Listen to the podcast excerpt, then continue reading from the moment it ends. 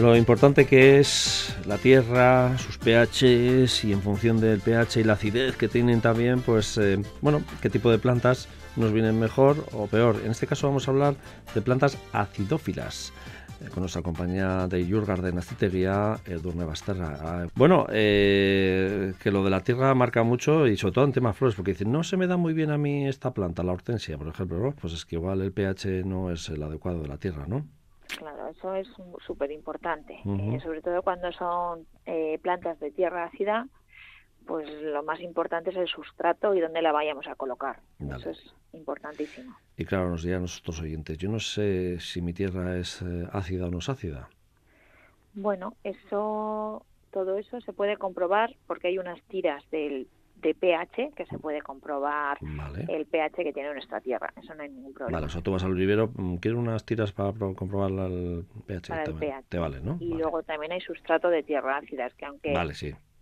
Mm, tú creas que tu tierra no es adecuada, hay tierras especiales que las puedes combinar con, con la tierra que tienes tú en el jardín. Vale. O colocarla directamente en las jardineras. Eh, ¿qué pH es eh, el óptimo para este tipo de plantas? Pues mira, el pH tiene que ser por debajo del 7. Eso es, para que se desarrollen en condiciones óptimas. Luego también es cierto que necesitan una temperatura suave, una humedad ambiente, que llueva abundantemente y un emplazamiento de semisombra. Vale. O sea que en, principio también muchas veces se suele aprovechar esas zonas en las que tenemos humedad o que sabemos que es una zona de, la casa que, tiene agua per se, ¿no? Porque pasa por alguna acequia o algún, hay alguna carcava, algún paso de, aguas habitual, ¿no? Les gusta la humedad, pero no les gusta dormir con los pies mojados. Vale, importante, por eso te iba a decir. una cosa es tener humedad y otra cosa es coger catarro. Eso es. Y entre esto, por ejemplo, las casas suele ser, por ejemplo, más hacia el este, ¿no? Orientación este. Que le dé el sol a la mañana, ¿no? Que les dé el sol de mañana y a la y el resto del día permanezca en sombra. En semisombra o sombra, ¿no? Sí. A ver, eh, esto sería lo ideal, pero bueno, que tienes una zona donde le da la sombra todo el mm. tiempo, bueno, pues eh, ya sabes que te van a florecer menos cualquier tipo de plantas. En este caso, pues hablamos de rododendros, de azaleas y de camelias. Eh, estas, bueno, hay que ponerlas un poco digamos, resguardadas también para evitar las heladas. Eh, que estén, aguantan el frío, pero tienen que estar un poco al resguardo. Claro, rododendros y azaleas son eh, arbustos, ¿no? Eh, sí, a ver, no van a crecer mucho, ¿eh? pero sí, y la camelia también. Lo bonito de estas tres variedades son las flores, las floraciones que tienen. Sí, la camelia también tiene floración muy bonita. la, camelia es una flor espectacular, pero de las tres, para mí el rododendro es espectacular. O sea, son flores, pues no sé, que igual pueden llegar a 10 centímetros o 12 de diámetro. Vale. O sea, son espectaculares. Y luego los colores que tienen. O sea, tienes morados, rojos, blancos de dos colores. O sea, es que puedes hacer unas combinaciones eh, estupendas. Eh, aquí también hay eh, otro tipo de variedad de, plantas que se pueden, bueno, que son acidófilas, ¿no? Sí, hay muchas plantas que no, o sea, que no las identificamos como, como acidófilas, que pueden ser los brezos. Vale. las vemos en el monte, pero claro. Claro, es que ahora se lleva mucho también en el jardín. Pues, las brezas. Eh, también los hacer japoneses. Estas son esta que tiene también hoja roja y luego pasa a verde, ¿no? Que tiene un cambio, sobre todo la hoja, ¿no? Suelen cambiar de verdes y pasan a rojos en otoño, o de verdes y pasan a naranjas. Eso es, sí.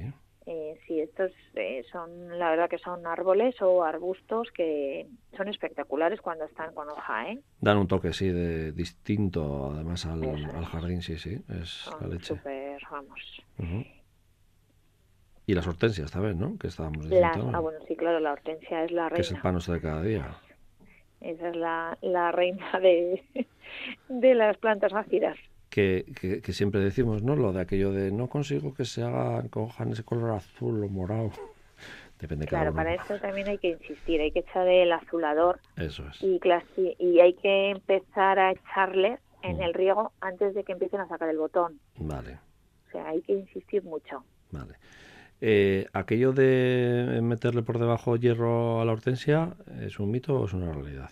No, a ver, el hierro lo que hace, bueno, eh, te explico un poco. Es algo que siempre, eh, siempre se ha comentado, ¿eh? Yo... Sí, lo que pasa es que el hierro se le echa a las hortensias o a cualquier tipo de, de planta de tierra ácida porque las hojas si están en un suelo que no es eh, ácido se empiezan a quedar amarillas mm. eh, eh, tienen síntomas de clorosis entonces el hierro o bueno el quelato de hierro que es lo que se le suele echar para que para que esa hoja sea verde entonces es, es un abono, ¿no? Que hace que, esa tierra se vaya corrigiendo un poco su, su acidez, bueno, así entre comillas, ¿eh?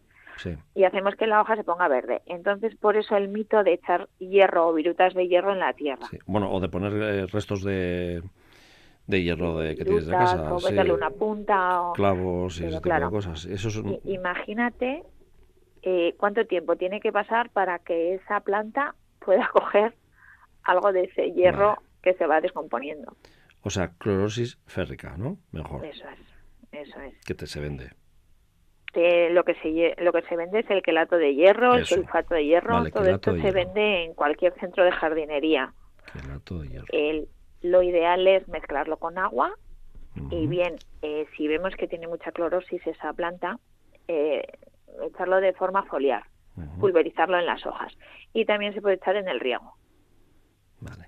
Esto eh, combate el amarillo de las hojas, pero no tiene nada que ver con el color de la flor. No, no tiene nada que ver. Vale, digo por si acaso. No tiene nada que ver. O sea, lo otro, digamos, es como un tinte que tú le vas dando el color y esto es un corrector. Bien. Y esto se da sobre todo cuando, ¿por qué? Porque la tierra no es muy ácida o porque hay mucha humedad. Este es síntoma, síntoma de que la tierra no es adecuada. Vale. Que no hemos puesto un sitio adecuado. Lo podemos corregir con un quelato de hierro, pero mm. claro, tenemos que tener en cuenta que es un corrector. Entonces, si tú quieres mejorar la salud de esta planta, tienes que ir añadiendo suelo, o sea, tierra ácida a ese suelo. Vale, perfecto. Entonces lo importante aquí será primero hacer esa prueba con ese pH, ¿no? Que tiene que ser menor de 7. Sí, lo importante es saber qué suelo tenemos. Eso. Y luego, eh, ¿cómo conseguimos? Con el tiempo podemos conseguir que el sustrato sea más ácido si en el caso que nos dé que, que, el pH sea alto, ¿no? Eh, pues eh, conseguirlo es o bien pues de enmendar ese suelo, que es corregir el pH, y si no, pues lo más fácil es ir a tu centro de jardinería y comprar tierra ácida. Eh, en bastante cantidad, claro, ¿no? Bueno, a ver, eh, es mezclarlo con la tierra. Si lo vas a poner en una jardinera, pues depende de la jardinera. Bueno, la jardinera es más, en la jardinera me parece que es más fácil, ¿no? Hacer un poco la, conversión. Y en el y en, y en el suelo, pues bueno, es es eh, mezclarlo con lo que tiene. Vale tampoco no vas a retirar todo, porque normalmente no pones todo el jardín de plantas ácidas. Vale. O sea, la zona donde la vayas a colocar, pues tienes que tener un suelo adecuado. Eh, eh, yo me refería a que, claro, tú, haces el primer año y dices, bueno, veo que este año no, no, me, no me están saliendo bien las hortensias, por ejemplo, por ser el clásico, ¿no? Eh, se le puede ir aplicando en, siguientes años esa, tierra para ir mejorándola, ¿no? Sí. Vale, perfecto. Lo que hace también la gente es cambiarlas de sitio.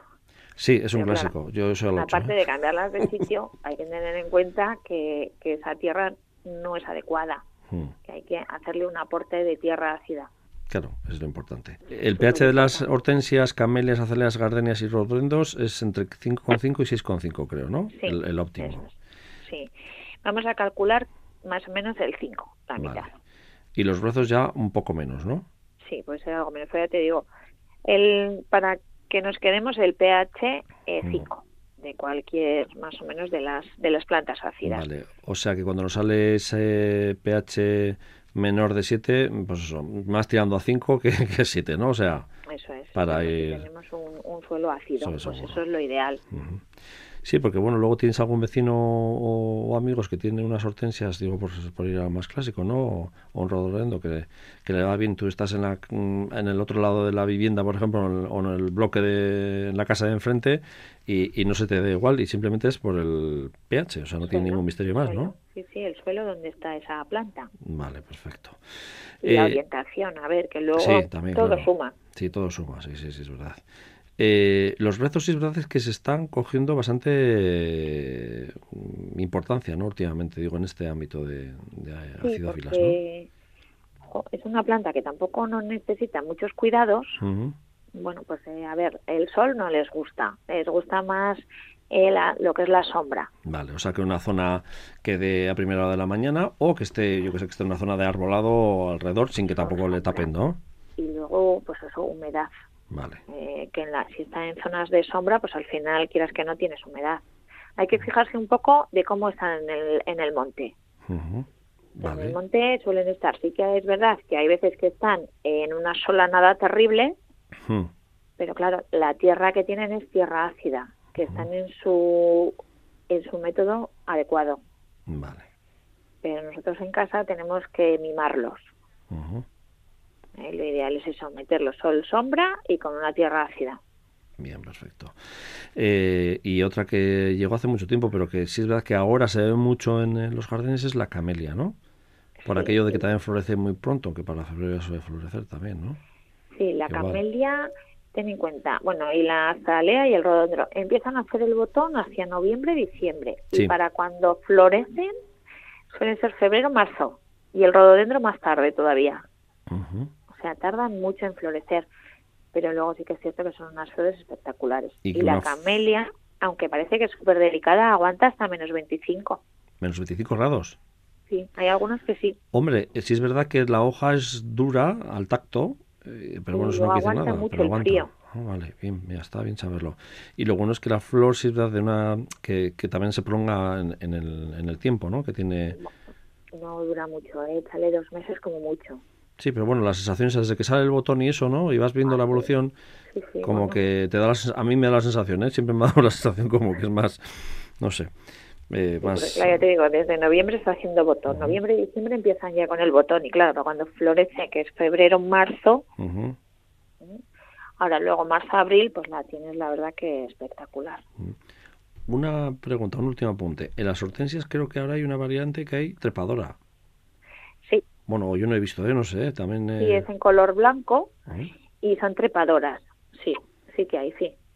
Trepadora me refiero a, a, idóneo colocar frente a una pared o un muro o ese tipo de cosas, ¿no? Sí, como, para tapar, si fuera una hiedra. Vale. Hombre, ten en cuenta que en invierno, o sea, es caduca. Sí. En invierno pierde la hoja, o sea, Totalmente, tapar, sí. Bueno, pero en, en, verano sí que se pone muy bonita. Saca unas flores blancas de momento hay en color blanco. Irán sacando más colores, ¿eh? Pero... Y luego hay un montón de variedades, sobre todo la Magical en hortensias, que es la más espectacular, porque la, la flor es eh, enorme. Vale, perfecto. Pues Y luego combinación de colores, porque estamos acostumbrados a la blanca, la rosa, la roja y la azul. Sí. Pero la Magical tiene como distintas tonalidades dentro de la misma flor. O sea, puede ir en granates, pero granates verdosos, o sea, es que te puede cambiar un montón dentro de la flor eh, las tonalidades. Curioso, pues mira, está bien. Porque además es una planta como que tiene mucho éxito, ¿no? En, nuestros jardines. La hortensia, sí. La hortensia mucho éxito. La verdad, por lo menos nosotros aquí será de las plantas que más se venden junto con lo de temporada, ¿eh? Ah, sí, ¿eh? La hortensia sí, me gusta mucho. Curioso. yo, para mí es un poco la típica planta que se utiliza para tapar determinadas zonas ¿no? de, de la casa, ¿no? que son un poco más o menos feas.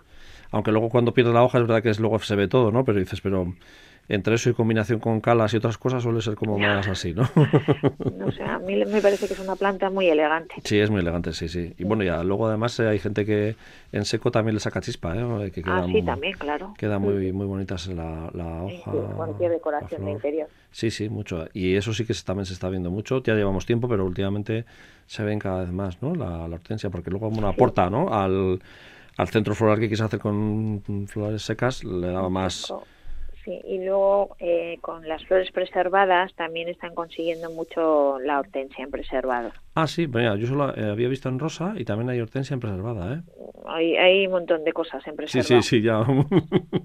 bueno, igual el clásico de la rosa, ¿no? Pero sí, es verdad, sí. Ah, consiguiendo mucho. Interesante. Pues eh, Durne Basterra de Illur Gardenas y Teguía, es que Nada, pues la siguiente. Es ¿eh? Vale, agur.